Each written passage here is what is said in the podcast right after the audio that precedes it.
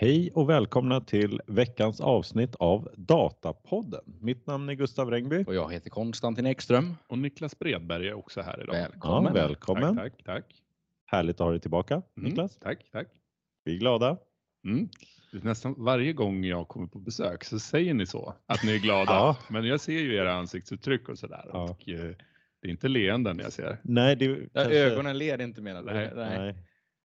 det är väl så att eh, det, det finns väl någonting i det här att vi alltid måste säga det. Ja. Alltså, om man behöver säga det hela tiden. Ska vi, ska vi, hopp, ska vi det strunta är i det nästa gång kanske? Du säger bara hej. Ja, Ja, jag tycker det. tråkigt att se dig. Ja.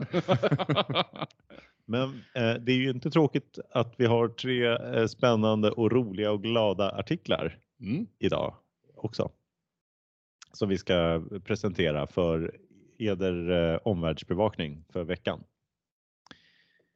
Och eh, där har vi bestämt ordningen. Konstantin börjar. Jajamän, Vill du köra? absolut. Jag har drabbats av ett litet återfall.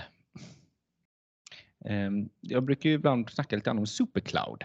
Så ska jag göra den här gången också. Och det var ju flera veckor sedan nu jag- jag pratade om Supercloud. Men Supercloud för de oinsatta det är ju en, en typ av molnplattform som ligger ovanpå publika moln som AVS och Azure men även on-prem.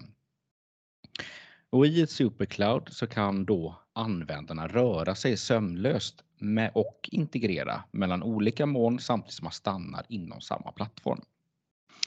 Och senast här vi snackade om Supercloud så hade vi med oss Alexander Jaballa från Snowflake som ger, redogjorde för en artikel som jag tillsammans med honom skrev i, i ämnet.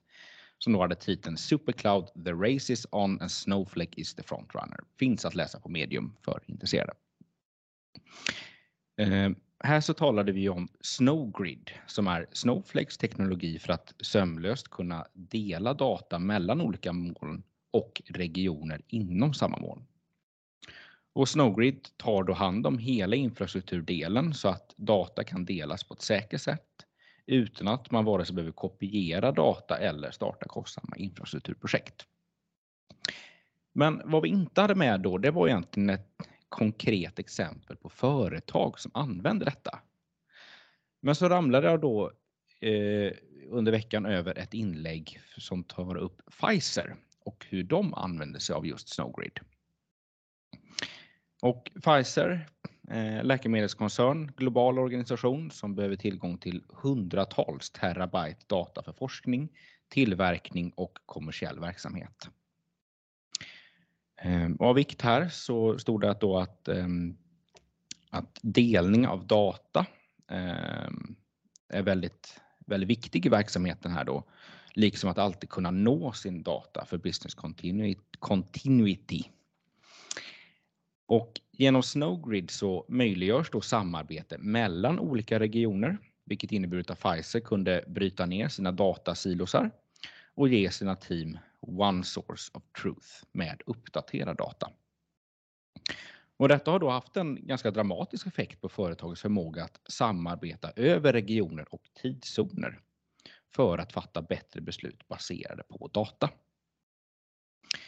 Eh, kan nämna här att Snowgrid har då replikeringsfunktioner som är konfigurerbara, vilket gör då här att varje team kan välja vilken replikeringsfrekvens som, som passar dem bäst. Ehm, för så att på varje affärsenhet Pfizer så ehm, äger de då varje, varje, varje enhet äger då olika datamängder och eh, med varierande kritisk nivå. Och då kan man då välja hur, eh, hur ofta ska det här replikeras då. Och tack vare Snowflakes datautbytesfunktioner så kan Pfizer eh, också sömlöst hämta, utvärdera och köpa tredjepartsdata, eh, datatjänster och applikationer för att eh, hantera sin verksamhet på en enda plattform. Ja, Där har vi det. där har vi det. Mm. Snowgrid i praktiken. Precis. Ja, vad roligt. Eh, Liksom det vanliga är ju liksom man går in i, om man kör Snowflake, man har liksom en databas och så Mm. kommer man åt den. Hur, hur ser det ut när man konsumerar det här? Alltså, är det likadant? Ligger det som en databas eller hur, hur ser det ut rent praktiskt? Ja, rent praktiskt så Om man tänker att eh, på ditt konto, du har Mm. eh, producerat en data som ligger i ett antal tabeller. Eh, som exempel i en databas. Och detta vill du då dela med någon annan som också har ett Snowflake-konto. Ehm, och då sätter du helt enkelt på delning av de här objekten. Mm. Och sen dyker det då upp på mottagarsidan då en databas och samma objekt, så samma tabeller eller samma vyer. Ehm, Så, och så kan man konsumera det på precis samma sätt för det ser likadant ut. Så att det blir ingen kopiering Mm. utan du konsumerar egentligen samma data. Ja. Och det här replikeringen, den sätter man in, det är liksom en egen tjänst, den här Snowgrid eller är det där man sätter upp hur ofta det eh, ska flyttas eller hur? Ja, för att när man flyttar då mellan olika moln, då, sker en, då tror jag ändå sker någon form av kopiering liksom Mm. under huven. Ja, okej. Ehm, och det gör ju också att ehm, så att har du, ligger du på AVS men jag är på Azure, Mm. då kan vi fortfarande liksom dela data med, med varandra. Ehm, så att, så att då, då ehm, upplevelsen blir detsamma oavsett Mm. om du hade också varit på Azure i samma region. Eh, så får vi precis samma upplevelse av det hela. Ja. Och det gäller ju samma sak om man har någon form av ehm, vad kan det heta, fa- fa- catastrophic failure eller så här, så att man, man vill byta moln för att en, ett moln går ner. Mm. Ehm, då kan man replikera så att man har si, sin egen databas då. Ehm, den liksom synkas med ett annat moln och då hoppar det över där då när ehm, den region man har då går ner. Ja, ja. Det här med tredjepartsdata, det är väl ganska viktigt i den här läkemedelsbranschen. Jag vet att man har stött på flera bolag bara i Sverige som sysslar med att samla in det här datat. För de eh, behöver ju få liksom all konsumtion och alla liksom behandlingar där deras produkter används, där andras produkter används. Så de behöver få för att analysera liksom inför tillverkning och, och sådär. Från olika vårdgivare. Ja, och precis. Få liksom så här, om det blir några komplikationer av Mm. Mm. nyttjandet av medicin och sånt. Jag, jag kommer inte ihåg vad, men jag vet att det finns flera bolag i Sverige bara som sysslar med att samla det här. Det är ju ett stort arbete att samla ihop datat. Mm. Där kan man ju tänka sig den här uh, Marketplace vore ju ganska trevligt för det kommer nog inte i jättebra form Mm. i, från början. Utan man får nog samla väldigt många olika källor. Men den här datadelningen inom Snowflake-sfären fick ju ett riktigt uppsving med covid. Mm. Ehm, för jag tror det är där man nästan brukar visa, jag har sett någon bild när man plottat ut och alla olika datapunkter. Och då var det ju otroligt frekvent delning. Ehm, och undrar om inte nästan det, ehm, i alla fall då var det som den absolut största typen av, av data då som, som delades mellan olika organisationer och företag. Mm. Så det är väl lite kul eh, kan man säga. Pfizer är delvis svenskt. Det är väl Pharmacia och Appion va? Pharmacia var väl svenskt i alla fall? Ja, precis. Uppsala eh, bolag va? Ja. Mm. Det blir lite roligt då. Mm. ett, eh, Men jag tror de fortfarande de har en svensk utvecklingschef Mm, okej. för ehm, R&D. ja, jag tror Appion var väl större. Mm. Men eh, de, eh, det var tillräckligt stort Pfizer eller liksom Pharmacia så att de liksom hette ju Pharmacia Appion ett tag Mm. innan de bytte till Pfizer va? Men Pfizer kanske är en tredje part. Ja, jag tror nästan det. Men vi tycker vi räknar det som Ja. svenskt fortfarande. Det räcker, det räcker med en liten, liten del svenskt så är det Mm. liksom eh, en homeopatisk nivå eh, svenskt bolag fortfarande. Mm. Ja, spännande. Eh, några andra kommentarer på den här eller ska vi gå vidare till eh, börsen? Ja, vi kan gå vidare. Dags för ekonominyheterna. Mm. Dagens kvartalsrapporter här. Ja, Ja, det är ju inte så spännande kanske Nej. att ha i varje avsnitt, men eh, det var väl lite av ett trendbrott här och det var därför jag tog med det. Och det har egentligen släppts eh, två kvartalsrapporter nu då, både Googles och eh, Microsofts. Eh, och det som kanske gjorde att man höjde lite på ögonbrynen då var att Google har gjort ett trendbrott här då. Eh, de har nämligen fått lönsamhet i sin molnverksamhet. Wow. Mm. och det har de inte haft på tre år nämligen. Då. Eh, då, och med molnverksamhet då menar man då GCP och det de kallar för produktivitetsportföljen Google Workspace. Och det är väl motsvarande deras Office då, man ska säga. Så det räknar de in i molnverksamheten. Men de har ju mycket annat som går väldigt bra. Så. Och det här är molnverksamheten är egentligen bara 10% av deras hela omsättning. Men den, det är väl den som är mest relevant för oss i alla fall när vi pratar om, om data och så. Mm. Eh, och det, det är ju första kvartalet då som har släppts eh, och samma kvartal 2022 då omsatte de 5,82 miljarder dollar och nu omsätter de 7,45 miljarder dollar. Så de ökar verksamheten med 28 procent. Och eh, som sagt var vinst för första gången på länge. Förra kvartalet, eller för ett år sedan då, då gjorde de en förlust på 706 miljoner dollar och nu gjorde de då slutligen en vinst på 191 miljoner dollar. Eh, och eh, som sagt var, det är första gången på, på tre år som de, eh, de eh, lyckas med det här.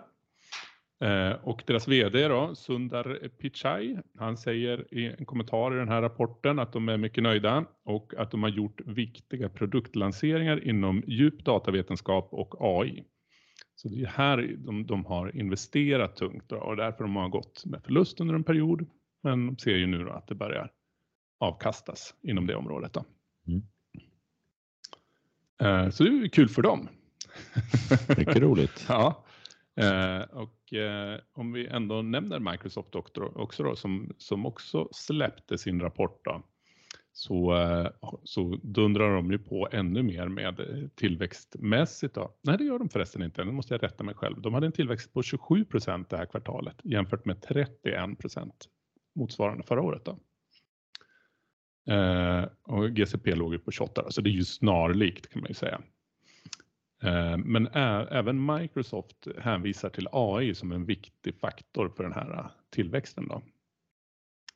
Eh, Och eh, där säger ju då Microsoft att de kommer att fortsätta att investera särskilt i AI-relaterade utgifter för att liksom möta den här efterfrågan då som ökas hela tiden. Då. Och så.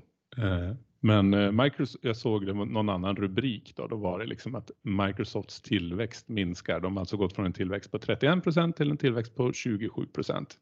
Det låter ju ändå som ganska lyxigt problem att ha. Liksom. Men, Ja, man Men, men ligger inte det i linje med vad vi har pratat om tidigare, att det förväntar tillväxt på datamarknaden på ungefär 30 procent om året? Det kan väl stämma. Mm. Så det är inte så farligt kanske. Nej, men det är ungefär. ja, Sen har jag för mig också att det är lite svårare att, eh, att titta på, på Microsoft, för de buntar ihop eh, Azure med Office 365 eller Microsoft 365-produkterna. mm, Eh, så man har inte riktigt samma eh, kirurgiska precision i rapporteringen som, som AVS och GCP har. ja. Men här hade de också gjort det. Det kanske fortfarande blir kirurgisk precision bara av att eh, de inte säljer så mycket Office. Eh, Eh, Ja, du Google menar alltså. Google? Ja, nej, precis. Ja. Eh, det kanske är De har med en mi- Office. eh, minoritet av det här. Istället Microsoft kanske är svårare att, att gissa här. Ja, Mm. men de har ju så lite olika molnerbjudanden och sådär. Och Mm. Ärligt talat, jag vet inte om Dynamics och sånt här räknas till molnet eller om det ligger i någon annan del av organisationen. eller Ja, vad just det det. Mm. Är. Eh, 70 miljarder kronor. Alltså 7 miljarder dollars Mm, på Google där. precis. Eh, Det är mycket pengar. Ja, det är det. Om, och eh, om vi pratar om de här tre stora då, så, så står de nu då med de här nya siffrorna för ungefär två tredjedelar av hela marknaden. Mm. Mm. Så eh, om man räknar eh, globala marknadsandelarna så har AVS 32 procent, Azure har 23 procent och Google Cloud har 10 procent. Och sen kommer då i fallande ordning Alibaba, IBM, Salesforce, Oracle och Tencent. Med lite småskrattar där. Mm. Mm. Norra Kvarken, Bottenviken, halvklart i mulet. jag kunde inte låta bli. Får lägga till vädernyheter Ja, i precis. eh, Ja, Datapodden. Ja. Precis. Eh, Ja, men eh, det här med att Google går bra, det tycker jag man kan se lite grann på den svenska marknaden också. Mm, Mm. Vi har ju liksom, eh, vi har ju H&M och ICA som börjar just det. vrida om Mm. mot Google Mm. mer. Ja, de är väl stora inom retail. Men Mm. hos tänker sig att det är nog enkelt att koppla ihop det om man har andra tjänster från Google. Ehm, Med ja, webb analytics och Mm. e-handel och sådär. Så är det redan väldigt integrerad i Googles ekosystem. Mm. Och då kan det hända att det blir väldigt det blir helt enkelt enklare att, att stanna kvar inom den, det systemet. Mm. Mm. Ja, verkligen. Spotify har väl en del Ja. ja, där också. Mm. ja, de har ju legat där i många år. Mm. Mm. Ja, spännande. Eh, ska vi gå vidare? Mm. Dags för nästa. Då har jag läst en eh, artikel i, eh, på Sloan Review. Eh, som är någon slags eh, sida på MIT.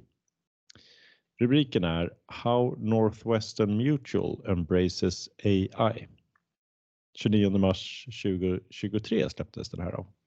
Den är skriven av Tom Davenport och Randy Bean.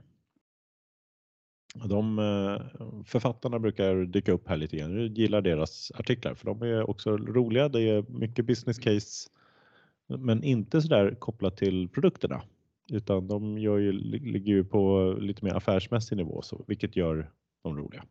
Men nu ska vi se vad de har skrivit idag då, eller i mars.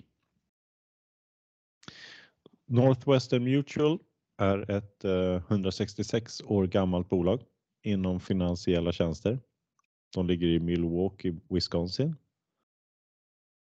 Eh, Också lite mycket svenskättlingar där så kanske ett svenskt bolag. Säg det. Eh, Man har varit på en resa att bli mer kundcentrerad. För att uppnå detta har man bland annat satsat på data science och AI. 2020 införde man rollen CDO, Chief Data Officer och anställde Don Wu som tidigare lett data och analytics på några bolag som heter MLV Advanced Media och WeWork. WeWork Mm. känner man ju igen även Mm. här i Europa får man väl säga. Mm. Det är väl han, eh, den excentriska entreprenören med långt hår? Eh, Branson? Nej. Nej, Nej. en annan. Ja. Nej, glöm det. Ja. Gå vidare. Mm. Ja, eh, se, sedan Don började har Northwestern Mutual utökat sitt eh, datateam och implementerat en Enterprise data och analysstrategi säger de då. Eh, Northwestern Mutuals verksamhet finns, eh, att de sysslar med hälsoförsäkringar bland annat då. Och i kärnan av denna verksamhet finns behov att förstå vilken hälsorisk varje försäkringstagare har. Eh, för att förstå liksom vilken premie som man ska eh, som man måste betala. Det är en, viktig process då i den här eh, försäkringshanteringen då. Det vanliga arbetet man gjorde på Northwestern för en potentiell försäkringstagare var att man skickade en representant hem till denna som fick ta blodprov, urinprov och fylla i svar på en mängd hälsorelaterade frågor. Då. Ganska eh, krånglig process. Och eh, till det här ska man säga då att totalt så försäkrar man 400 000 personer varje år. Så det blir ju en hel del hembesök. När covid kom eh, så kände man väl nu går det inte att göra hembesök längre. Så istället så accelererar man sin AI och datastrategi. Och så börjar man utnyttja befintlig historisk hälsodata från varje sökande. Då. Och eh, från att man hade en undersökningsprocess som tidigare tog fyra veckor att eh, genomföra så tog den istället med, med liksom att göra den, automatisera den med, med att utnyttja AI och data som man digitaliserat tidigare då, så tog den tre dagar. Mm. Eh, CEO John Schlifske, låter lite svenskt, citeras nyligen i en artikel i Wall Street Journal. Eh, han säger det att we believe automated underwriting, alltså underwriting i den här processen då att uh, uh, sätta premien, puts insurance products in the hands of consumers who need them in the easiest and least intrusive way. Mm. Så han är, de är väldigt nöjda då med det här. Då. Här men eh, effektiviteten kommer inte utan en del frågetecken eh, rörande den här nya tekniken då. I Wall Street Journal nämner man att i Connecticut har man börjat begära specifika certifieringar från försäkringsbolag för att verifiera att dessa följer antidiskrimineringslagar. Och man konstaterar här då att det är en svår balansgång här när hela försäkringsbranschen bygger på att differentiera människor efter deras hälsa och förväntad livslängd. Eh, och eh, att det, det är ändå en positiv sida här. Om man kan automatisera det här så får man ju en effektivitetsförbättring och minskad ledtid. Det ligger väl kanske någonting i att man eh, differentierar. Man, man vill ju differentiera men eh, mm. ja, det är viktigt att det inte ges på fel premisser. Då. Utöver automatiseringen av själva försäkringsprodukterna så arbetar man med stöd för försäkringsrådgivare och företagets säljare att erbjuda de mest relevanta finansprodukten för varje kund genom att ta fram ett Next Best Action system. Det här är alltså att när man eh, har liksom pratat med en kund så ska man få, får man en rekommendation från eh, ett system som säger det här är det bästa eh, förslaget att ge till den här kunden. Det är så vi utökar den här relationen med den här kunden. Det är den bästa möjliga vägen framåt som är mest relevant för den här kunden. Givet då data om kunden. Och så utnyttjar man en, någon typ av prediktiv analys för att liksom hitta beroende på hur andra kunder har betett sig givet samma då erbjudanden. Så det är alltså Next Best Action, också kallas personalisering ibland, rekommendationsmotor. Det är de här liksom liknande eh, eh, orden för eh, samma typ av system. Just nu så har de precis kommit igång med detta men konstaterar att de tror att det är speciellt nyttigt för deras juniora och oerfarna rådgivare. Då. Eh, att utnyttja de här då Next Best Action-systemet är frivilligt för rådgivarna. Men det finns tidiga tecken på att de som utnyttjar det blir mer framgångsrika än de som inte gör det. Men det är, de är tidiga i att testa det här. Då. Eh, så det är två stycken eh, tillämpningar då på eh, Northwestern Mutual. Men vi har en tredje här som man tar upp också.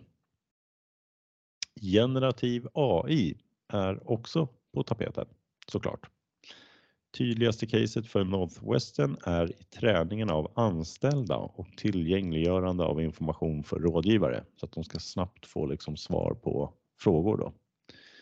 Att snabbt kunna ställa frågor till en chatbot med företagets totala kunskap och strukturkapital är ju förstås väldigt eh, effektivt för dem. Eh, men man har konstaterat också att det här kräver ju att man bygger en modell då, en sån här eh, vad vi pratar om LLM-modell, Large Language Model, en textmodell som kan svara på frågor som tränas på företagets data. Det är ju, det är ju den som är det viktiga här. Det är inte någon generell kunskap utan det är företagets eh, liksom, kunskaper som man har då internt och policies och, och där. Företagets data är såklart konfidentiellt och inget man vill lämna ut vind för våg här. Då. Så det blir viktigt att hitta en lösning där det finns en tydlig liksom, säkerhetsspärr mm. där inte liksom, ingen data får inte läcka från företaget. Så där har vi eh, vad de här ser som de tre viktigaste då får man väl säga i försäkringsbranschen. Vi hade att eh, till själva aktuariearbetet utnyttja AI där. Och vi har till rådgivningen och vi har till den här eh, processen att eh, kunna utbilda och eh, göra information tillgängligt då för rådgivare. Eh, en fråga. Du sa att du var tvungen att vara hembesök för att ta blodprov och lite sånt där. Det kunde väl inte elimineras? Jo, alltså som jag förstår det så jag misstänker att de använder att de har liksom data från eh, tidigare. Att man har lämnat kanske svar på frågorna tidigare och så vidare. Mm. och så utnyttjar man det. Eh, För jag gissar att det är den datamängden som de, för de beskriver att de utnyttjar the applicants eh, da- data records. Ja, just det. Så, Så- det kan vara gamla, gamla journaler eller liknande. Ja, precis. Prov, liksom. Eller om det finns någon mer data, men det är, jag Mm. är osäker på om de får tag på det. Det vet Mm. jag inte om de kan få tag på från sjukhuset till och med om, om man har lämnat något prov vid något annat tillfälle. Nej, just det. Eh, Det kan ju vara en annorlunda värld där än vad det är här får man väl säga. De har inte riktigt samma eh, situation där på många sätt i de där delarna. För det Mm. första så vi har väl inte samma behov av sjukförsäkringar som amerikaner har eftersom ja, nu har de väl infört den här eh, sen Obama. Mm. Mm. De har väl någon typ av försäkring, men även den är att man måste ta den tror jag. Mm. Det är inte att man har den automatiskt utan på något sätt så måste du nog gå igenom en byråkratisk process även för att få ta, få ta del av den trots att den är eh, gratis på något sätt. Mm. Tror jag i alla fall, jag har hört det. Mm. Men det, det är ju ändå en annorlunda situation där, där sjukvårdsförsäkringar är ju oerhört viktiga. Mm. Än vad, mer viktiga än vad de är här. Eh, Men, eh, men också det här med datat tror jag är annorlunda. Kanske Mm. att eh, försäkringsbolagen har en liksom närmare eh, samarbete med sjukhusen då också eftersom de behöver ju hela tiden eh, liksom kommunicera med varandra. Mm. Eh, mellan, så fort någon är på sjukhuset så måste väl försäkringsbolaget vara eh, uppdaterat på det Mm. jag, Mm. på ett annat sätt. Senast jag var med då hade jag någonting om eh, regleringar inom EU runt AI. Och då togs i princip båda de här sakerna upp som exempel som skulle vara väldigt eh, reglerade och svåra att hantera. Och dels liksom sjukvårdsdata, liksom automatiska eh, diagnoser och så. Då. Men det här blir ju en- snarare liksom prediktiv livslängd eller vad man nu drar för slutsats. Men också finansiell rådgivning är väldigt känsligt också. Mm. Ja precis, jag antar att, eh, jag vet inte men eh, det gäller väl här liksom att säkra att det inte används någonting som gör, de har väl, de har ju regleringar här också men det, Mm. de använder ju sin tidigare då antidiskrimineringslagarna Ja. Mm. som egentligen är de som är relevanta då för, som de ser relevanta för eh, just det fallet då. Det kanske är en fördel. Det blir väldigt tydligt ändå att eh, liksom om man använder en AI-modell så får man ju ett centralt ställe där du eh, ändå så att du inte utgår från någon annan information. Det Mm. borde vara lättare att kontrollera nästan med en. AI-modell. Mm. Ser exakt hur den har tänkt och så vidare. Mm. Istället för att det blir någon, eh, någon annanstans som det beslutet tas. Ja, det är väl intressant här med generativ AI här också. Eh, Och det är väl egentligen, vi- jag tror vi tog upp det för något eh, avsnitt sedan. Det är exakt samma business case som Databricks eh, lyfte när stämmer, man tog Dolly. fram Dolly. Mm. Ja. Mm. Och och det, det stämmer väldigt väl där också för då lyfter man just det här, ja, men du vill ha en modell som du har kontroll över. Du vill inte hålla på att tuna någon som ligger ute på nätet, public på något Mm. sätt. Utan här liksom tar du hem en, någon, en modell och så gör du fine-tunaren med din data. Så Mm. att du har kontroll över det. Så att eh, man kanske får ringa upp dem här och säga eh, att eh, ja, ge numret då till en Databricks och så får de snacka ihop sig. Mm. Vem ringer? Eh, inte jag, Nej, inte jag. Konstantin. Mm. Du ringer sen efter mötet. Mm. Men det här med NBA-lösningen. Next best action. Mm. Det är ju något du har erfarenhet av Niklas, Ja. just från försäkringsbranschen. Just det. Även du, fast i andra branscher. Ja, i Mm. lite annorlunda. Men eh, när arbetar du med den här nya typen av lösningar? Eh, Var det i liksom förra veckan Ja. eller hur var det? Försöker du säga att jag är gammal nu? Nej, men det har ju funnits länge. Det var kanske en av de äldsta use casen känns det som Ja. inom eh, AI eller machine learning eller ska jag säga. Så att, eh, och det tror jag har funnits som sagt var mycket. Och, eh, Tio år sedan kanske? Ja, Ja. precis. Och ofta i kundmöten så. Mm. Mm. tänkte på det. De hade ju här, de tog upp också strategin kring hur de eh, utnyttjar den här. Att man inför den för frivillig hantering liksom, eller du får välja. Mm. Mm. Har, har du testat det själv också? Nu vet inte om, ta, hur har de... eh, Hur Ja, så du, eh, en rådgivare fick välja Mm. själv sådär. Ja, Ja, antingen använder du systemet eller så kör du bara själv. Ja, just det. Ja, men det, det har vi ju testat också. Vi testade båda varianterna kan man säga. Och, mm, eh, båda funkar ju såklart, men frivilligheten eh, gör ju vad man säga, förändringsresan svårare oftast. För att, eh, ja, men jag tror att de flesta människor eh, har större tillit till sin egen kompetens och erfarenhet ofta än vad man har till så här automatgenererade Mm. saker. Men, eh, men över tid så, så går ju förändringen ändå. Man kan visa på att AI levererar bättre resultat än vad människan gör och så. Ja, jag har ju upplevt också att man har inte haft det frivilligt just för att du vill kunna styra. För det, ju, du vill kunna kanske sätta krav på att ja, men vi måste försöka mer försälja ibland till en, eh, en eh, då kund, vad heter det, kundservice. De är inte så, det är inte liksom egentligen säljare kanske. Mm. Och då blir det ett sätt att liksom kunna säga, men, men jag kan inte hålla på och sälja till någon som är helt ointresserad. Och då blir det liksom en måttstock på det. Ja, men om du följer AI-modellen, för ibland kommer AI-modellen säga att du behöver inte. Mm. Och ibland säger den att men nu är det ett bra tillfälle. Mm. Och så behöver man liksom, kan man bara eh, liksom luta sig tillbaka på det. Mm. Mm. Eh, och det blir lite enklare ur det perspektivet för motivationen. Så att man inte bara säger, ja men du måste sälja. För det blir ju fel ibland i Mm. sådana fall. Och det har väl alla haft något samtal med någon med någon sån där som säger, ja just det, och jag måste fråga dig om inte du vill köpa det här också i slutet av samtalet. Man har Svaret ringt- är självklart nej. Precis. Ja. Jag vill, ville bara säga det. Du ringde in och var asförbannad här tidigare, Ja. men jag ska bara kolla här om det. ja. Nu är det så att de som använde den här eh, hjälpen då, de var mer framgångsrika. Ja, Kunde du- tidiga, tidiga resultat. De säger ju att det här är lite proof of concept. att just de, eh, Ja. Man börjar ju fundera på, är det för att de kan bearbeta fler case snabbare så att de får, de får fler avslut eller att den här AI-motorn faktiskt ger bättre råd som kunderna faktiskt nappar på. Ja, jag, jag tror att det blir ju mer relevanta råd, men det, de säger ju också att det är mest effektivt här och det är väl, eh, det är väl så det är också. Alltså den som är expert, liksom rådgivaren, Mm. den kanske inte har så himla stort behov av att ha det här. Den känner ju av, vet ju allting hur det funkar och sådär. Mm. Utan det här är ju framförallt för de som är eh, juniora då, oerfarna, som inte har den kunskapen vad som passar till varje kund. Mm. Det blir lite co-pilot.